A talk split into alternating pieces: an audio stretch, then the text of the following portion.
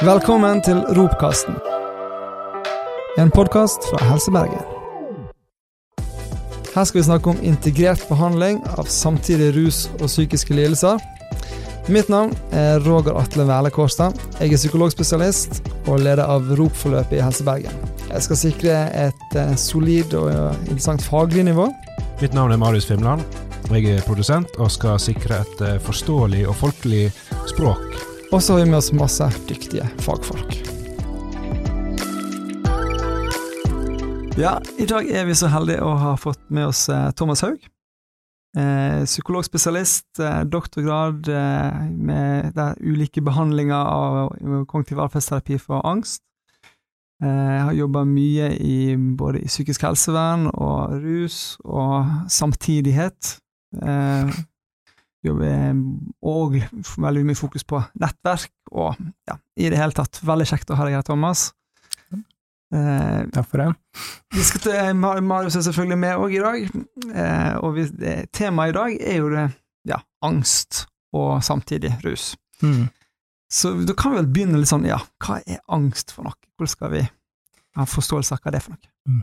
Nei, angst, altså, det er, det er jo en helt naturlig reaksjon som alle mennesker har jevnt og trutt i livet, og det er en veldig viktig altså den, den, måte, den reaksjon man har, sant, som er det samme som en fryktreaksjon, som betyr at man får en, en, aktivering i kroppen og på en måte som mobiliserer for at man skal kunne forholde seg til farer i livet. Det er på en måte fryktreaksjon, og den er helt nødvendig for oss for at vi skal kunne overleve som art. Eh, angst, det er på en måte når denne, frykt, denne fryktreaksjonen kommer i veldig uhensiktsmessige situasjoner, eller blir veldig overdrevet i forhold til det man står overfor, og man på en måte tilegner seg strategier for å håndtere denne frykten, som på en måte får innvirkning på livet. Eksempel hvis man er hvis man er dette som heter sosiale angster, der er man redd, der er frykten spesielt knyttet til dette å bli vurdert av andre mennesker.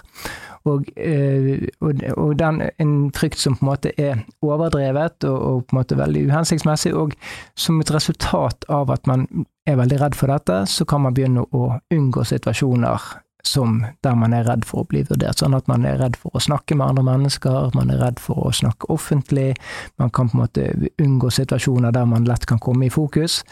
Og det er først og fremst disse reaksjonene og måten man håndterer dette på, som er, det som skaper problemer. Altså selve frykten, sånn at når man skal behandle angst eller hjelpe folk med angst, så handler ikke det om å ta vekk disse fryktreaksjonene, men det handler om at man skal lære seg å oppsøke det og være i det, og på den måten så vil også de reaksjonene avta ved at man får erfaringer som korrigerer måten man tolker de situasjonene på. Men ja. det finnes mange typer angstlidelser, og det som skiller, skiller de ulike angstlidelsene fra hverandre, det er først og fremst hva det er som en, gjør en person redd. Ja. ja. Så, så, så det, det, selve følelsen og, og av angst eller frykt, det er ikke noe farlig. Det, det, er vel en sånn følelse vi alle kan kjenne oss igjen i. Ja, det, Men det er mer reaksjon og liksom hvordan man hvordan man forholder seg til det, men, også, men selvfølgelig følelsen er, blir jo veldig ubehagelig. sånn så Man får gjerne en veldig mye sterkere reaksjon enn det situasjonen skulle tilsi. Og det er gjerne det som utløser, eh, utløser angsten. At man har opplevd noe, eh, opplevd en gang at noe har vært veldig ubehagelig, og så vil man ikke oppleve dette igjen, og på en måte og kroppen reagerer på noe som at det er uforholdsmessig, altså er veldig uforholdsmessig i forhold til situasjonen. Og for noen så vil jo det på en måte være sant, for å ta eksempelet med sosial angst igjen, da, hvis man står foran en forsamling og skal snakke, og plutselig så husker man ikke det som man skulle si, og man blir helt blank og kanskje begynner å svette, begynner å stotre, og får denne følelsen av at nå ser alle på meg, nå syns alle at jeg er dum. Som vi også kanskje kan kjenne oss igjen i ganske mange, ganske sånn vanlig følelse. Mm. For noen så vil dette, dette kan skje med alle, og for noen så vil det si ok, men neste gang så går det bedre. Da, så prøver man igjen, og så får man andre erfaringer, og så ser man at dette går greit likevel. Mens for noen så vil på en måte man eh, tolke det som at dette faktisk var fordi at noen synes at jeg var dum, eller at fordi at jeg eh, er ukompetent, eller som får masse sånne tolkninger rundt dette her, som gjør at man blir redd for å oppsøke situasjonen igjen, og begynner å vegre seg for å inn i situasjonen. Og det som skjer da, er at man får ikke disse erfaringene som korrigerer den opplevelsen man hadde, og så på en måte kommer man inn i noen sånn negative sirkler der, man, måte, der dette blir forsterket. Ja. Og så er det veldig, da veldig lett at når man kommer inn i situasjoner igjen som ligner på denne, så tolker man det lett på samme måten, selv om på en måte det ikke er det tilfellet. Så det er liksom dette her å komme inn i disse negative sirklene, basert på en tolkning av en situasjon som er enten er veldig overdrevet eller, eller feil, ja, rett og slett. Mm. Altså, så ikke, ja. Så så det er slett tolkningen av situasjonen som fører til mønster og gjerne sånn unngåelse, som gjør at man ikke får nye erfaringer. den Måten man tolker og forstår situasjonen på, har mye å si for hvordan man føler det, og det, det er liksom det som ligger til grunn for hvordan man forstår angstlidelser. At det er tolkningen og reaksjonen, og så på en måte hvordan man håndterer dette her, altså hvordan man forholder seg til det. Men hvorfor får noen angst? Det, det er forskjell altså Folk er jo litt forskjellig, eh, forskjellig utrustet. altså Noen er jo litt mer engstelige i utgangspunktet, reagerer litt sterkere på ting, eh, kan lettere tolke ting i negativ retning. og Det kan være litt sånn fordi at vi er født med å være litt mer reaktive, eller fordi at vi, vi har opplevd ting opp gjennom livet som gjør at vi lettere fortolker situasjoner på den, den måten der. Men prinsippet med angst er at dette er noe som man har lært seg. Altså man har noen erfaringer og fått noen reaksjoner som følge av de erfaringene, og så forholder man seg til disse reaksjonene som da er overdrevne, og så kommer man inn i selvforsterkende sirkler. Sånn at det eh, Sånn at veldig mange, selv om man er en engstelig person i utgangspunktet, så betyr ikke det at man har en angstlidelse. Det mer, mer på hvordan det fungerer. Ja. Hmm. Selve eh, følelsen, eh, altså frykt og angst, det er veldig vanlig. Det er jo, jeg pleier ofte å si at jeg er mer bekymra hvis en pasient ikke kan kjenne seg igjen i den følelsen, enn eh, hvis han har. har Hvis du ikke du har den følelsen, så, så er du død. Sant? Det, ja, det, ja. Ja, Mm. eller i hvert fall i veldig trøbbel. Mm. Men hvor vanlig er det på en måte å ha at, at det blir et problem, altså at det blir, går utover på en måte livskvalitet og gjøremål? altså Hvis du tenker på de som oppfyller kriteriene for en, en eller annen form for angstlidelse, så, så tenker man at eh, altså Det er jo den mest vanlige av de psykiske lidelsene, eh, av kategorien av de psykiske lidelsene. Så det er mellom en tredjedel og en fjerdedel, anslår man, som, som faktisk på et eller annet tidspunkt, ikke til enhver tid, men på et eller annet tidspunkt i livet vil, vil oppfylle kriteriene for det. Så det er, det er vanlig. Så det er, ja. Så er det selvfølgelig graderinger og, og alvorlighet og, og, av dette her, men, men eh, ja, dette er noe som mange vil oppleve en gang i løpet av livet. Og hvordan er det med Er det her noe som normalt sett Altså Noen ting er jo sånn som kan gå Med tiden til hjelp, så går det over av seg sjøl, og noen ting er, er, går ikke helt over av seg sjøl. Og hvordan er det med, med angstlidelser? Nei, nei det, altså det som er med angstlidelse, at hvis man først har utviklet en angstlidelse som har i hvert fall fått en viss alvorlighet, så, så er det noe med det som jeg sa i sted, dette med at man kommer inn i noen sånne selvforsterkende sirkler. Sånn, så angstlidelser er på sett og vis selvforsterkende. Altså hvis man, for, hvis man blir gående med det og fortsetter å for eksempel unnvike situasjoner eller forholde seg til at dette blir farlig, så får man, får man ikke disse korrigerende erfaringene som skal til for at man kommer seg ut av dette. her. Sånn at hvis man ikke får hjelp, og det trenger ikke bety at man skal gå til en psykolog, men, men på en måte det kan hjelpe at man bare uh, får informasjon som korrigerer dette her, eller leser en bok, altså, men, men at hvis ikke man får hjelp til å på en måte endre kurs, da, man kommer inn i mer fastlåste mønstre, så, så går ikke dette over av seg sjøl. Og I og med at du sier at det er selvforsterkende eh, måte, prosesser her, er, er det òg litt sånn at jo, jo tidligere du kommer til, jo lettere er det å gjøre noe med? Sånn, sånn vil det jo være for de aller fleste psykiske lidelser, og her er det spesielt, eh, er det spesielt viktig, fordi at, ja, sant, det er dette at det, at det kan bli veldig fastlåst. Og, og eh, selv om måte, dette her er veldig naturlige reaksjoner som alle kan kjenne seg igjen i, altså hvis du har gått med en angstlidelse over lang tid, og den er blitt veldig fastlåst, så er dette noe som går veldig utover funksjonen og skaper mye problemer. Altså det er jo sterke, sterke følelser man Altså, de tingene vi har snakka om, så det er jo ikke alltid helt tydelig for meg hvorfor rusen kommer inn, men jeg tror jo her er det ganske tydelig hvorfor folk begynner å ruse seg. For å gå rundt med sånn kronisk fryktfølelse er ikke noe, noe behagelig. Nei, det, det er veldig ubehagelig, og, og eh, det er helt riktig som du sier. Altså, altså det, man trenger ikke tenke at man har en ruslidelse. Altså vi- når vi snakker om angstlidelser, så en viktig ting som man jobber med, og en viktig ting som gjør at angstlidelser eh, opprettholdes, er at man begynner å unngå situasjoner som man er redd for, fordi sant, man kommer inn i disse mønstrene. Og da kan unnvikelse det kan være at man helt unngår å gå i situasjoner, at man på en måte aldri, f.eks. For i forhold til dette med sosial angst, at man helt unngår å snakke foran fremmede. Eh, men det kan også være mer subtile unnvikelsesstrategier, at man på en måte lærer seg å gjøre ting på en måte som, som gjør at man får fokus vekk fra angsten. Sant? Det er noe som vi kaller for sikkerhetsstrategier. Og i forhold til forholdet til sosial angst, så kan det være f.eks. at man unngår øyekontakt med mennesker, at man på en måte snakker veldig lavt, og man prøver liksom sånn å ja, altså gjøre ting for å komme i minst mulig fokus, for det er veldig vanskelig å unngå alle situ sosiale situasjoner helt. Og en sånn sikkerhetsstrategi er jo dette å bruke rusmidler, at, at man, fordi at de har en angstdempende effekt. Så dette her å drikke litt alkohol før man går inn i en situasjon, eller når man er i en, en situasjon, det er jo noe som, som funker godt på angst i, på kort sikt. Så det ja. Cirka åtte timer, ikke Cirka, cirka, ja. Det, ja, det kommer litt an på. Men mm. og, og, og, ja, så, det, så det, er en veldig vanlig sikkerhetsstrategi. Men det, det, er ikke, det er ikke dermed sagt at fordi at man bruker dette som en sikkerhetsstrategi, at man har et stort rusproblem. Mm. Men, men, det kan gjøre at man utvikler det. Ja. Men, men, hvis man f.eks. bruker rus eh, på den måten at altså, vi, hvis Nå bruker vi eksempel med sosialsituasjoner, mm. der at man har angst for det, mm. og så bruker man da rusen som en strategi for å kunne mm. mestre de vanskelige sosiale situasjonene som man da syns. Yeah. At den angsten demper seg, og man yeah. opplever at det går litt bedre. Yeah.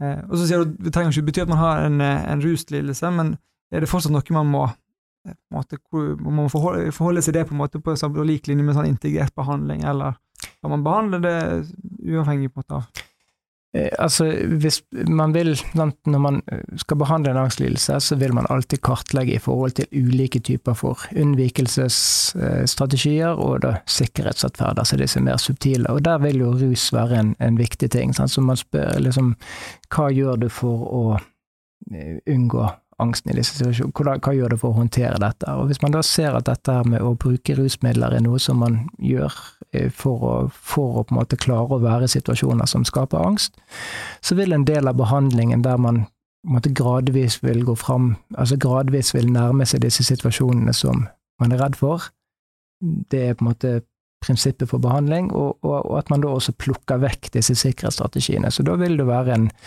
en, et element i behandlingen at man etter hvert skal klare å gå i eller at man skal gå i disse situasjonene uten å drikke. At det vil kanskje være første, første steget. Ja. Så, mm. så i, i, en, i, en, behandling av angst. Men hvis man har opparbeidet seg et rusproblem, så blir jo mm. dette mer komplisert. Ja, da blir det Men eh, så hvis man har Men er det noen ganger at altså ja, for Vi snakker jo ofte litt sånn om det med høna og egget. Mm. Men vil det alltid være på en måte at, eh, at det er angsten som kommer først, eller vil det være noen ganger at uh, rusen har kommet først, eller at det Nei da, det, kan, det, det, det kan være begge deler. Uh, men det er, hvis du ser på forskningen som har prøvd å se på dette her, så, så ser man at for de all, eller for en ganske stor andel, altså ca. tre fjerdedeler, så, tenk, så ser det ut til at angstlidelsen kom før man utviklet rusproblemet, sånn, så, som på en måte støtter litt denne her hypotesen om at rusen har oppstått delvis som en måte å håndtere angstsymptomene på. Eh, men så vet vi også at det er altså måten rusmidler Altså hvis du har fått et rusproblem, eh, så vil det være Vil det også kunne føre til at man får mye angstsymptomer. Og disse angstsymptomene kan jo da utvikle seg videre til en angstlidelse. Og det, det kan være både at man ehm, eh, både at man Fordi at man Altså, rusmidler virker jo inn på systemet som regulerer stress og angst. Og hvis man bruker veldig mye rusmidler over tid, og utvikler en avhengighet, så vil dette gjøre at det systemet blir mer sensitivt. Sånn at man får lettere reaksjoner, altså eh, angstreaksjoner, det, og, dermed så vil man også kunne bli mer sårbar for å utvikle angstproblemer. Og så er det også dette med eh, abstinens, som er, en, eh, som er, en, ting som man kan få hvis man, hvis man har utviklet en avhengighet, spesielt i forhold til ja, alkohol og ja, stimulanter og, og, og opioider. Og abstinenssymptomer er blant annet altså, Eller reaksjonen er veldig lik som, som angst. Og abstinenssymptomer blir over tid verre. Altså hvis man har hatt en, eh, et rusmiddelbruk over lang tid og opplevd gjentatte ganger på abstinenser, så skjer det også noen ting i de systemene som styrer abstinenssymptomene, som gjør at disse blir sterkere og sterkere. Og det vil også kunne ligge til grunn for at dette utvikler seg videre eller forsterker en angstlidelse, fordi at reaksjonen er så lik, og så handler det om hvordan man håndterer dette. Sånn at det kan, det kan virke begge veier, og det har for så vidt ikke så veldig mye å si med tanke på dette med, med hvordan man skal møte dette og behandlingen, fordi at prinsippene vil egentlig være, være helt like, og, og når man først har utviklet denne samtidige problematikken, så vil begge disse mekanismene virke inn. Så. Ja. Så det vil altså være uavhengig på en måte om, eh, ja, om, angsten kom først, eller om at angsten kom, eller sårbarheten kom som følge av uh, abstinenssymptomer, så, så, så, vil det ikke spille så stor rolle i forhold til behandling? Nei, for da har du, da har du på en måte begge problemene, og, mm. og det, er ikke sånn at, eh, det er ikke sånn at hvis du, altså snakker hvis du først har utviklet en, et rusproblem eller en avhengighet med sånn, som har jo eh, kompliserer det med at du får andre faktorer inn. altså dette At du får denne veldig sånn suget etter rusmidler, at du blir veldig sånn trigget i situasjoner. Sånn, det vil jo komme i tillegg til angstlidelsen. Sånn at det betyr at uh, Så, det, så det, det, vil ikke forsvinne av at du behandler angstlidelsen. Og veldig ofte så vil jo også, eller som regel så vil jo dette også være veldig sånn tett sammenvevd, og, og dynamikken vil egentlig være lik uavhengig av hva som kom først. Nå, nå, jeg har jobba litt med behandling av angstlidelser, og eh, det er jo ofte Det er jo som med mange ting med, med, psykiske plager, at det, det, er jo ikke alltid at løsningene man, eh, man har på en tilby, det som pasienten helst ønsker. Jeg ønsker jo gjerne, En som har angst, ønsker jo gjerne en, måte, en metode for å få vekk mm. det ubehagelige. Ja. Eh, og så er jo ikke alltid at det, det er det som er behandlingen, det er ofte at du skal utsette deg for masse ubehagelige ting og lære deg å ja. stå i det og, og tolke ting annerledes. Og, ja og, og, de som har rusmidler, og, som du var inne på, det er jo veldig effektivt til å ta vekk. Mm. Så eh, du, har du noen gode tips i forhold til hvordan man skal få solgt inn det her prosjektet? Ja, altså det, er jo veldig eh, Altså, når du har Altså Når du har en, en angstlidelse, da, så vil jo første del av eh, behandlingen handle mye om at man hjelper folk til å forstå. Sånn, hva, hva så, hvorfor har jeg disse reaksjonene, hva er det som skjer, hva er det på en måte sammenhengen mellom de situasjonene jeg er i, hvordan jeg tolker disse situasjonene og de reaksjonene jeg har, og så vil man jo da prøve å finne om, ut det andre måter jeg kan tolke disse situasjonene på, som på en måte gjør at man blir mindre redd ut av det, og at man da tester ut disse nye måtene å forstå situasjonen på gjennom å være i, i situasjonen. Altså det vil på en måte være, være sånn som man behandler angst. Når man får rusproblemer på toppen her, så, så vil jo Så vil dette med Altså, man må jo plukke vekk rusen, sant?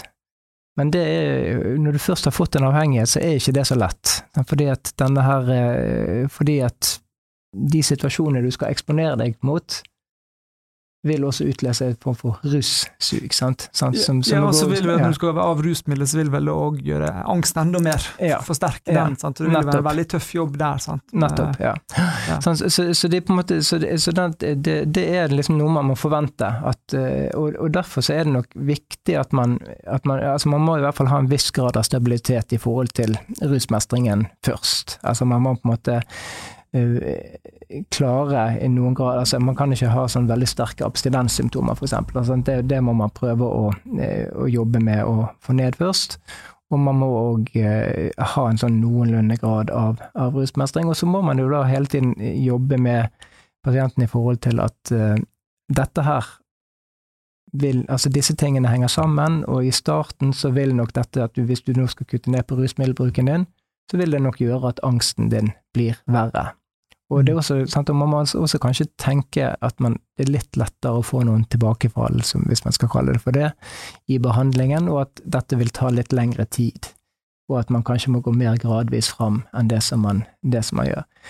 Hvor viktig er det å forberede pasienten, altså den informasjonen der? Altså det, hva du kan forvente når du går av rus, og sammenhengen og forståelsen? Det, det, det, er veldig viktig. Må, man, det må, man, bruke masse tid på. Eh, eller man må bruke så mye tid som trengs for at pasienten og man, man må som regel gjenta dette her. Og, eh, og når man da kommer i en situasjon der ting kanskje ikke gikk akkurat som man hadde håpet, eller at uh, man merker at man har fått et angstanfall, eller man har brukt rusmidler for det, så, så, så, må man på en måte gjerne ta det opp på nytt igjen og, på nytt igjen. Men dette er å gi, gi, god informasjon som er forståelig for, for den det gjelder, og uh, det, det, er, veldig viktig. Men det er ikke nok. Det, det, ikke liksom, det hjelper ikke bare å prate om det, man må på en måte ut og ut og, som du sier, utsette seg for dette ubehaget gradvis, og teste ut. Sant? Altså, for én ting er at jeg, jeg, jeg, kan sitte til en pasient og si at den situasjonen som du, der du trodde at alle, alle mente at du var helt idiot, der det sto at jeg kan si til dem at det, det stemte nok ikke, det er, nok, det er ikke sånn folk tenker om deg, og det er ingen grunn til at de skulle tenke det om deg. Men det hjelper ikke så veldig mye at jeg sier det. Dette er noe som på en måte man må ut og erfare sjøl. Og, mm. og, det gjør man gjennom at man gradvis klarer å utsette seg for situasjonen, men også at man aktivt på en måte prøver å teste ut de antagelsene opp mot nye antagelser. Ja. Men hva verktøykasse er det du gir, folkens? For det høres ut som du på en måte ber dem gå ut i snøen og kle av seg. Altså, får de med seg noe å jobbe med her? Ja, ja da, nei, det, det, er jo ikke altså det, Man skal jo det etter hvert. Nei, det, viktig, altså det, som er, det som er viktig med tanke på dette, å ut, utfordre seg i situasjonen, det, det, er jo at man går gradvis fram på et nivå der man skal, man skal oppleve angst, men det skal ikke være sterkere enn at man klarer å være i det til angsten går ned igjen. Det er på en måte prinsippet. At du, pleier å tenke at du har laget et slags sånn hierarki som du jobber sammen med, med pasienten i forhold til. Eh, der vi på en måte sier at ok, hva er det, begynner gjerne med hva er null, altså hva er det som ikke gir angst, og hva er 100, hva er det verste du kan tenke deg. Og så begynner man med de to i hver sin ende, og så prøver man å gradere ulike situasjoner mellom det. Og så jobber man seg da oppover i dette angsthierarkiet, og skal prøve å ligge på et nivå der altså, En ting som man gjør mye i angstbehandling, er at man hele tiden prøver å gradere ting. altså liksom Hvor engstelig følte du deg da på en skala fra 0 til 100? At de lærer seg det. For veldig ofte når man sliter med angstproblemer, så, så man, blir man preget av litt sånn svart-hvitt-tenkning. At ting er enten helt grusomt, eller man har ikke angst i det hele tatt. Altså Enten har man angst eller ikke, men, men dette å lære seg at man faktisk Det ligger et spenn imellom der, og noe angst kan man tåle. Og det er på en måte dette her å komme i situasjoner der man kjenner på disse følelsene, men det at de ikke blir så sterke at man ikke klarer det. Sant? At man får den mestringen, og ideelt sett at klarer å være i situasjonen til angsten går ned igjen. Sånn at man på en måte klarer å få den korrigerende erfaringen, da.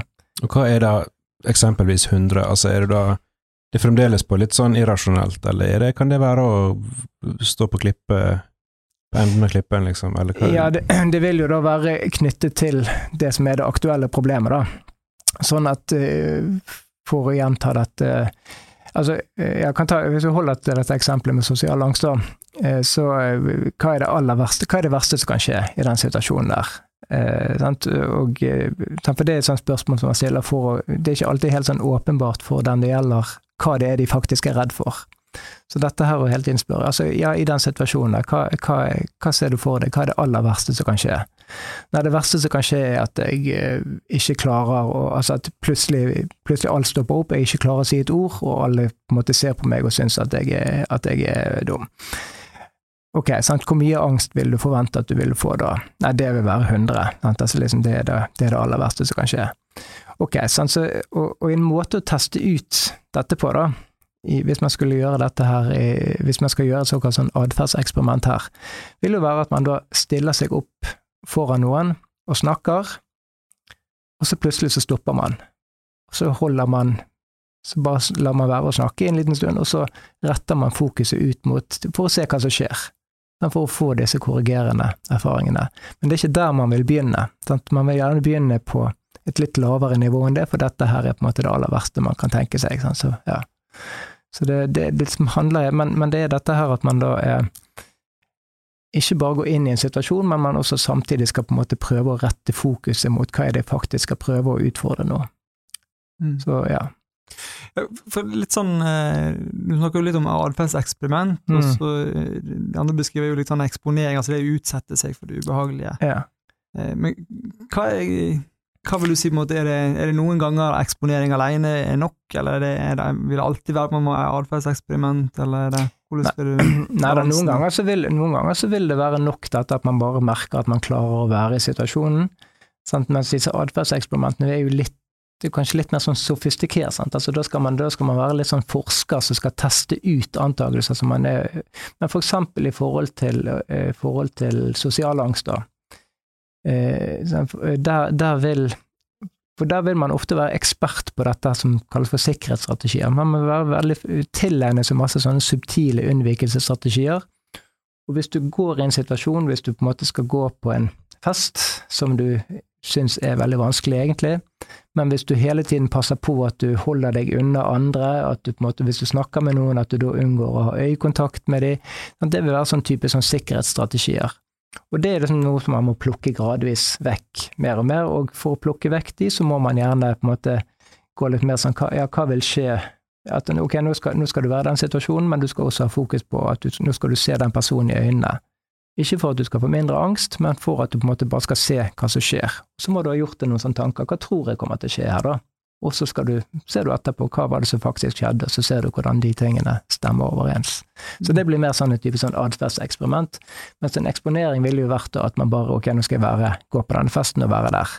Og det problemet der i forhold til noen er jo at man da kanskje ikke får plukket vekk disse sikkerhetsstrategiene samtidig. Så det kan være med da, de her sikkerhetsstrategiene som man, eller strategiene mm. man har for, måte, for, å hindre at det som man frykter skal skje. Mm. Altså, eh, kan det være med å gjøre at man ikke da får den ønska effekten man har av å eksponere seg eller utsette seg for det ubehaget som Ja, det, det, det er det som er litt, litt, problemet med det. da. Men, men det er klart sant, det er en balanse her. Sant? Man skal jo ikke ta fra, ta fra folk alle mestringsstrategiene heller. Så, men, men, det er litt noe med, med dette her å prøve å finne ut hva er det som skaper problemer for en. Og, og, hvis dette her at man, at man uh, går på en fest, men liksom hele tiden må gjemme seg vekk, sant? Og, og, så blir det jo mer sårbart enn når man faktisk klarer å ta del i selskapet og klarer å snakke med folk og sånn. Så, og da, da, må man kanskje ta vekk. Ja, eller hvis du er veldig overstadig berusa. Eller hvis du er veldig overstadig ikke sant. Ja, det er ikke sant. Ja, ja, ja. ja, I forhold til det med rus, altså, når, det, når, man skal utsette seg for de her situasjonene og eh, ja, oppleve angsten og sånt, og så det vil vel, I forhold til rusmestring, altså vil det, hvordan man, man skal ha begge de to tingene i, i fokus, hvordan, eh, hvordan skal man sjonglere det? For det er vel ikke alltid på en måte at det å utsette seg for ubehag eller de risikosituasjonene er den beste strategien for å holde seg vekk fra rus? Nei, det, sånn, så det, det, er litt det som er utfordringen når man snakker Altså, de, de kan komme litt i konflikt med hverandre, disse to. Eh, sånn, fordi at uh, rusmestring vil jo, som du sier, gjerne handle om å holde seg unna situasjoner eller triggere for rusbruk. Eh, og det må man jo gjerne gjøre først, for at man på en måte skal få en stabilitet i forhold til, i forhold til rusen. Eh, og så det, jo, det jo, handler det litt sånn om å velge seg, altså hvilke situasjoner er det på en måte er det viktig for meg å klare, og hvilke situasjoner er egentlig greit at jeg holder meg unna uansett. Sånn noen situasjoner kan jo være greit at, at sånn, kan gjøre deg sårbar for tilbakefall til rus, sånn så kanskje du egentlig skal holde deg litt unna det. Mens andre situasjoner kan stå veldig i veien for hvordan du fungerer, og, og du gjerne har brukt rusmidler for å håndtere de, men de blir kanskje viktigere at man da går videre og å på en måte eksponere seg for. Men, men det, man må på en måte komme dit at man klarer å gå i en situasjon uten at man bruker rusmidler. Det, det, det, er på en måte en, en. Så man bør ting. ha en viss grad av rusmestring før man aktivt oppsøker på en måte risikosituasjoner? Ja, ja det, det, bør man. Og så må man jo også spørre seg sjøl altså, hvilke risikosituasjoner er det viktig for meg at jeg klarer å stå i, og hvilke risikosituasjoner kan egentlig være greit å bare ja, hvordan er det med, med disse risikosituasjonene som man gjerne ikke kan unngå? Altså, noen sosiale situasjoner er jo det nærmest litt sånn umulig, å, å ta buss og Ja. Noen ting ja, Ja. kan man egentlig ikke leve så mye uten å Nei, så, det, det, det, så det, det er jo litt dette her som går veldig utover den hverdagslige fungeringen. Så når jeg snakker om situasjoner som man kanskje kan være greit å unngå, sant? Altså, det er jo mer hvis du hvis det er miljøer som du har vært i som, der du vet at her brukes det veldig mye rusmidler, eh, at det er på en måte kanskje det som, som samler den, eh, og det er på en måte der det er assosiert veldig, så kanskje ikke det er så veldig viktig at du skal oppsøke de situasjonene. Men når det handler om dette å ta bussen, altså fungere sånn i dagliglivet, så er jo helt klart en målsetting om at man skal klare det. Og da vil kanskje første steg av eksponeringen være at man skal bare klare å være i situasjonen uten å bruke rusmidler, og så kan man gå videre. Sant? Og det kan være snakk om at man da skal i første omgang ta bussen fra ett stopp til neste, sant? og så uten å bruke rusmidler, og så tar man det gradvis derifra. Og, og som jeg sa i sted, så, så vil, jo, vil, man jo gjerne måtte gå mer gradvis fram da, med, med bruk av rusmidler, og så hele tiden komme tilbake igjen til dette, disse tingene henger sammen. Og, og når, når, du nå får sant, og hele tiden sjekke i forhold til hvor mye russug, eller hvordan følte du i forhold til rusmestringen, sant, sammen med hvordan følte du i forhold til angsten. At du liksom har den dialogen hele tiden og minner på at disse tingene henger sammen. ja. Så det, det handler liksom om, om, å finne en balanse, men ja. Mm. Mm. Et annet tema som jeg lurte litt på også, henger jo litt sånn sammen med rus, da, men det er jo litt sånn medikamentell behandling av, av angst. Altså, Mm. man har jo benzodiazepiner som er, som er veldig effektive, og noen har jo en avhengighet og en misbruk av det. Ja. Um, ja, hvordan Hva er dine anbefalinger og råd her? Nei, når det gjelder benzodiazepiner, så er jo det noe som man eh, helst bør unngå, egentlig, eh, for behandling av angst. Det handler jo litt om at de, de, de har en kortvarig effekt. Sant? De, virker, de virker jo, som du sier, veldig effektivt på angstsymptomer. De demper jo de eh, sånn med en gang, sant? så derfor er de jo også veldig gode og kjærkomne å ha for noen, og det er lett å forstå at, at man vil bruke det, men, men, det som skjer, er jo at de, de tar eh, Altså, effekten tar slutt, og du på en måte du lærer deg ikke å håndtere angsten, du bare demper den. Og så er det jo dette problemet med at, at de er vanedannende, sånn at man kan da etter hvert utvikle toleranse, sant, som gjør at man trenger mer for å få samme effekten, og, og kan da utvikle avhengighet av disse, og da har man plutselig et uh, tilleggsproblem som er minst like stort, om ikke verre. Ja. ja og ikke litt av bivirkningen av benzodiazepin, at at man får mer angst av det man blir, når man blir vant til det. Jo, sant? Det, det er det som skjer når man, altså når man utvikler den toleransen. Sant? Kroppen venner seg til det, og det virker jo inn på de samme systemene som, som angsten. Sånn at, du, sånn at, du, vil få ja, det, det, vil på en måte skape angstsymptomer i seg sjøl som følge av disse abstinenssymptomene, og de vil jo være veldig lik som angst, som da vil gjøre at man føler at man mister kontroll og får økt angst, og så ja, vil jo det gjøre at man kommer inn i disse negative sirklene og så vet man jo hva som fungerer, og det er benzodiazepiner, og du vil også ja. Så, så det, det, er en ganske lite hensiktsmessig måte, utover selvfølgelig hvis man har altså Når ting er veldig akutt, veldig akutte stressreaksjoner, eller veldig sånn så, så, er jo det selvfølgelig en veldig sånn god og effektiv måte, men man bør, bør ikke bruke det over tid. Og det er ikke en behandling for en angstlidelse, det er en behandling for akutte angstsymptomer. Så i akutte tilfeller så, og situasjoner av enkeltgangsbruk, så kan det ja, men, ja. men, hvis man bruker det over lengre tid og utvikler avhengighet, så Ja. Men selvfølgelig, det, det, er jo, det, er jo, noen som bruker eh, av de mildere formene for, eh, for benzodiazepiner i lave doser over tid. Sant? Det, det, blir en sånn det blir en sånn trade-off, men som hovedregel så er det noe som man skal, skal unngå. Mm. Men så, så, har du jo andre medisiner som eh, spesielt ulike typer antidepressiva som man bruker ved behandling av angst, og det, de, er jo, de er jo så effektive i forhold til å dempe symptomer, men de virker jo på en annen måte. Det er ikke sånn at de tar angsten der og da, men de har mer at de virker inn på systemet som, som gjør at man ikke får så sterke reaksjoner. Og det er jo noe som tar litt tid før det virker, men når det virker, så vil det da gjøre at man blir mer stabil. Men, men de vil jo heller ikke hjelpe deg til å få strategier for å håndtere angstsymptomene dine, så det, det, vil jo også gjøre deg mer sårbar for tilbakefall hvis du, hvis du slutter å bruke disse medisinene. Ja. Så det er ikke noen sånn kjapp vei ut av angst, egentlig? Man må Ja, nei, det, trenger ikke ta så lang tid. Eh, og det er, egentlig, det er, egentlig, en viktig ting, da, at, at, når man skal behandle dette, så er, man jo opptatt av at det skal helst være foregå på en ganske sånn intensiv og tidsavgrenset måte. At det skal være en viss sånn grad av intensitet til dette her. Mm. Og eh, for noen så, så, vil jo dette, og kan jo det gå ganske fort å få hjelp og behandling. Og man har jo disse sånn, sånn firedagers behandlingsprogrammer som, som, finnes nå, som riktignok er veldig intensive.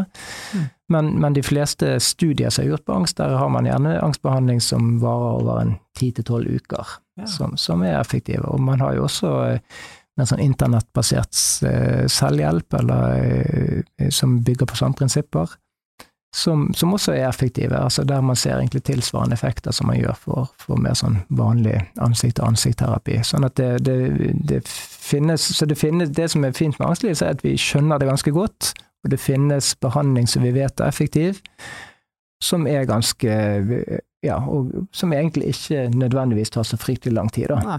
Nei. Og hvordan, hvis man har fått god behandling for angstlidelsen sin, og, og mestrer den godt, hvordan virker det inn på, på ruslidelsen?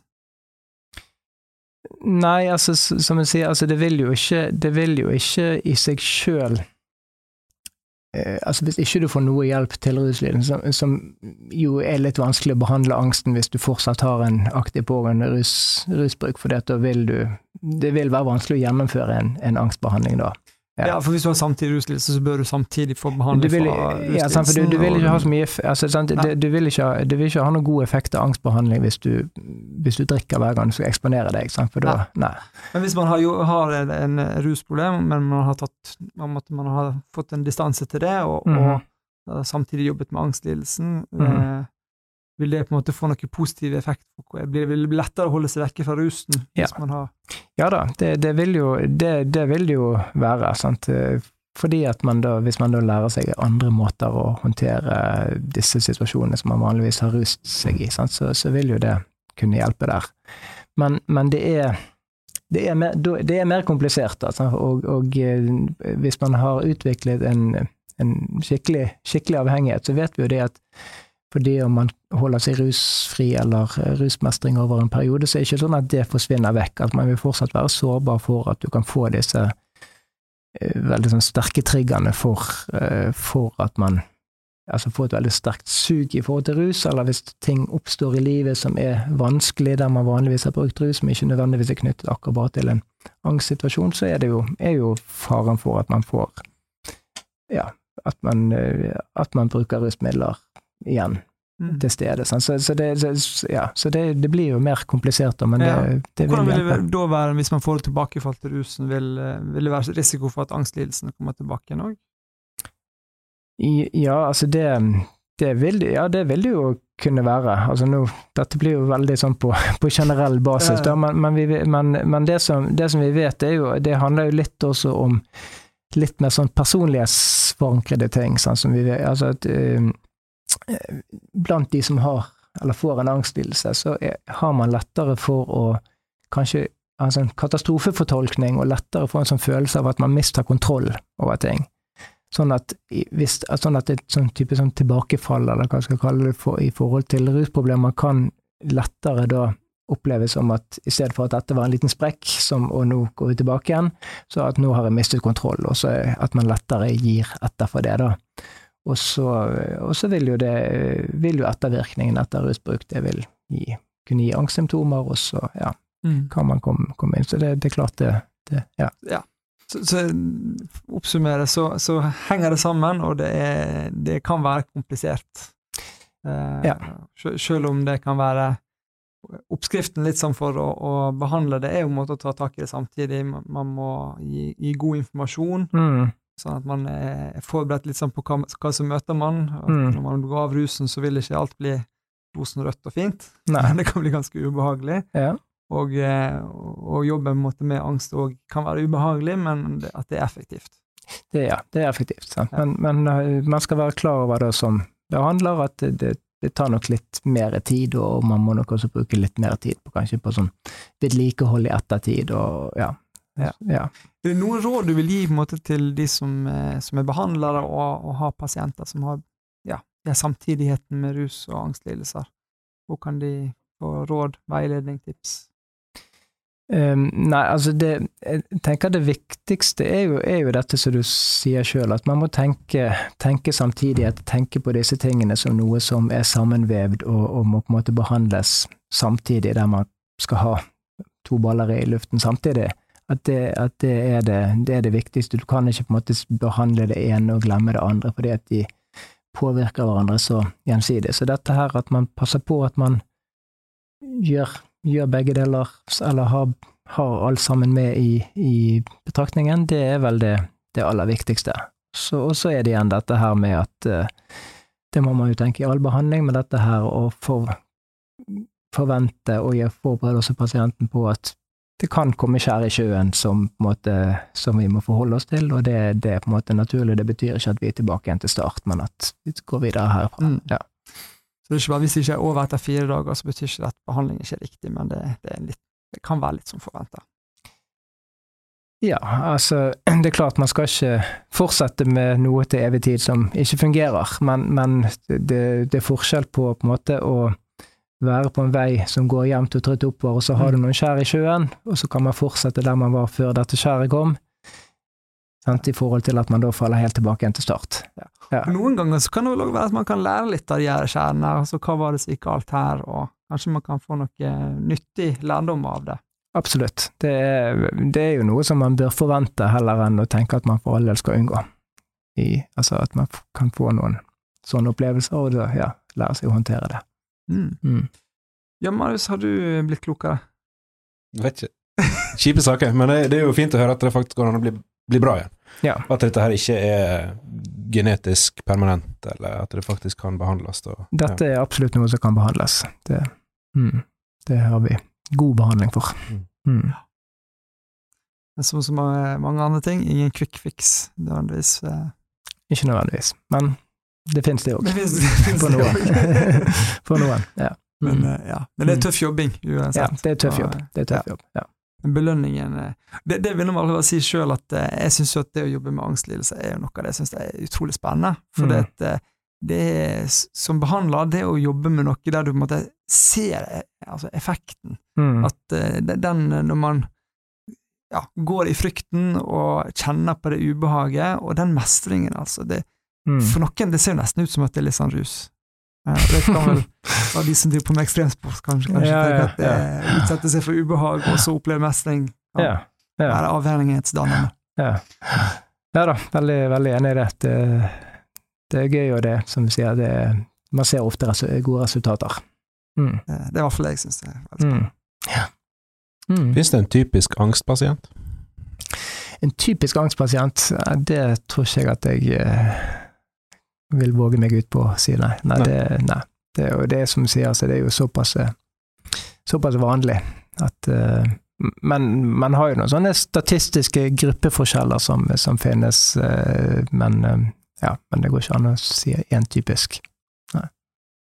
Mm. Så det er veldig mm. vanlig, er vel det vi kan si.